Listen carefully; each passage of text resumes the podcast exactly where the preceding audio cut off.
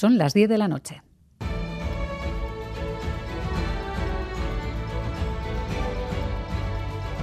Radio Euskadi y Radio Vitoria. Servicios informativos. Repasamos los titulares de la jornada con John Fernández Mur, Gabón. Gabón Miriam, noticias de este miércoles 30 de noviembre en el que comenzamos hablando de la huelga de la educación pública no universitaria en la comunidad autónoma vasca. 60% de seguimiento según los sindicatos, 35% según el gobierno vasco. Los sindicatos mayoritarios en educación, Steyla, Sela y Lab, niegan que estas sean huelgas preventivas. Su objetivo es que la ley garantice una escuela pública, Euskaldun y propia. Nagore y Turrioz Steylas. Hemos tenido un montón de oportunidades de aportar eh, lo, que, lo que creíamos a comunidad educativa, lo que creíamos tenía que recoger esa ley y hasta ahora eh, se nos ha dado la espalda totalmente. no queremos que se desacredite la voz de, de las y los trabajadores a día de hoy. Estamos diciéndolo de forma firme y contundente. No estamos de acuerdo con este anteproyecto de ley.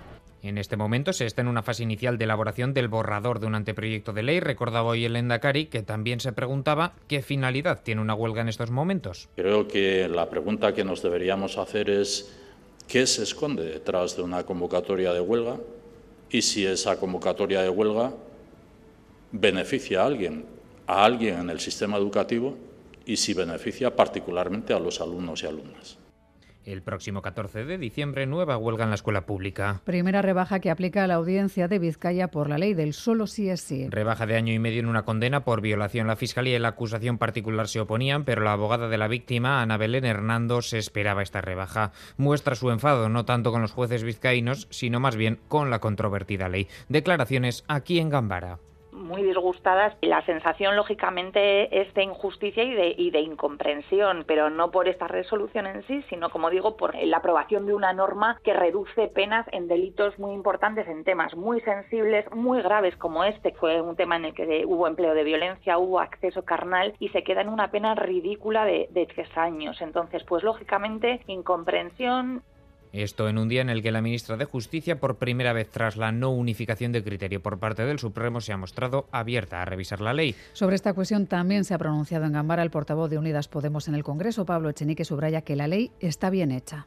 Nadie que haya puesto encima de la mesa la posibilidad de modificarla ha escrito en un papel cuál sería la modificación yo no he visto ni una propuesta de modificación y creo que eso revela que lo de que hay que modificar la ley es más un mantra, es más un mantra que una propuesta de solución. Y creo que eso revela precisamente que, la ley está bien hecha y lo que hay es un problema de aplicación de, de la ley que esperamos que se, que se vaya corrigiendo. Echeni, que también se ha pronunciado sobre el asalto a la valla de Melilla en junio, se ha desmarcado de la postura del PSOE, señalando que todo apunta a que hubo fallecimientos en territorio español. En el Congreso, Fernando Grande Marlasca se ha quedado solo en esta cuestión. Ha insistido en una versión que todos los partidos menos el PSOE consideran mentira. Ya no solo la derecha pide la dimisión del ministro del Interior, también Esquerra Republicana. Marlasca, de momento, aguanta especulaciones como las que se están haciendo de que, las, que la Guardia Civil especialmente hubiese permitido que este tipo de hechos trágicos sucediesen en nuestro país sin hacer nada es una grave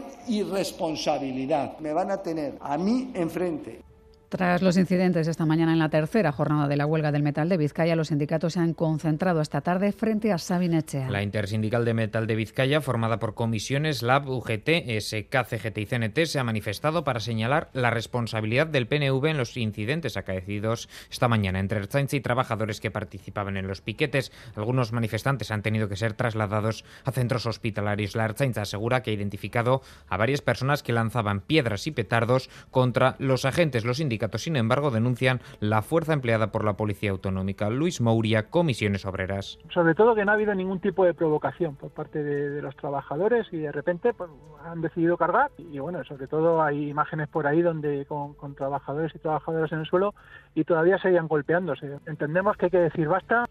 Y Cuchabank tiene desde hoy nuevo presidente. Se trata de Antón Arriola, que ha agradecido la confianza al Consejo de Administración, ha recalcado su compromiso con el arraigo del banco en Euskadi y ha subrayado que confía en la capacidad y el compromiso de todo el equipo para que Cuchabank tenga un brillante futuro. Cuchabank tiene un gran futuro por delante, en primera línea del sector financiero y manteniendo el arraigo que le caracteriza y forma parte de su ADN. Así terminamos más noticias en una hora y en todo momento en itv.eus. Geruarte.